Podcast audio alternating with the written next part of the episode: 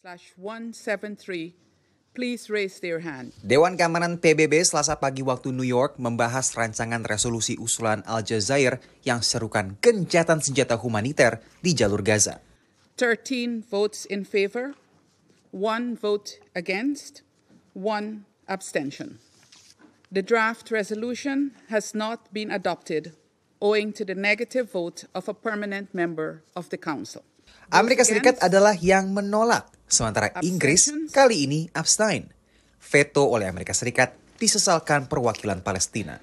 It is absolutely reckless and dangerous against she again shielding Israel even as it commits the most shocking crimes while exposing millions of innocent Palestinian civilians to its wrath and more untold horrors.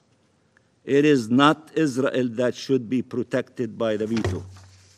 It is Palestinian children, women, and men who must be protected by this council acting now. Ini adalah draft resolusi ketiga terkait perang Israel-Hamas yang telah diveto Amerika Serikat sejak pecahnya konflik pada 7 Oktober. Dubes Amerika Serikat untuk PBB Linda Thomas Greenfield menyebut draft resolusi yang diajukan oleh Al Jazeera ini dibawa ke PBB secara tergesa-gesa. AS juga menyebut bahwa draft ini tidak mempertimbangkan faktor kekhawatiran Amerika Serikat dan Israel soal pembebasan sandera yang tengah dalam proses negosiasi. Amerika Serikat pun mengusulkan rancangan resolusi baru.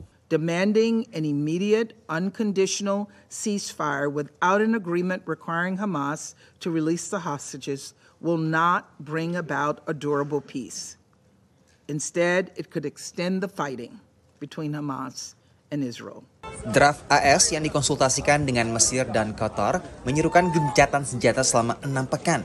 Hanya bila perjanjian pembebasan sandera telah dicapai antara Israel dan Hamas. This is the first time that the US has proposed a text which really does include some fairly strong implicit criticism of Israel's campaign in Gaza and the situation in the West Bank. And I think that the Biden administration may be sending a subtle sign that it will continue to protect Israel at the UN, but its patience is not limitless. Pada Desember, Majelis Umum PBB hampir bulat mendukung seruan gencatan senjata.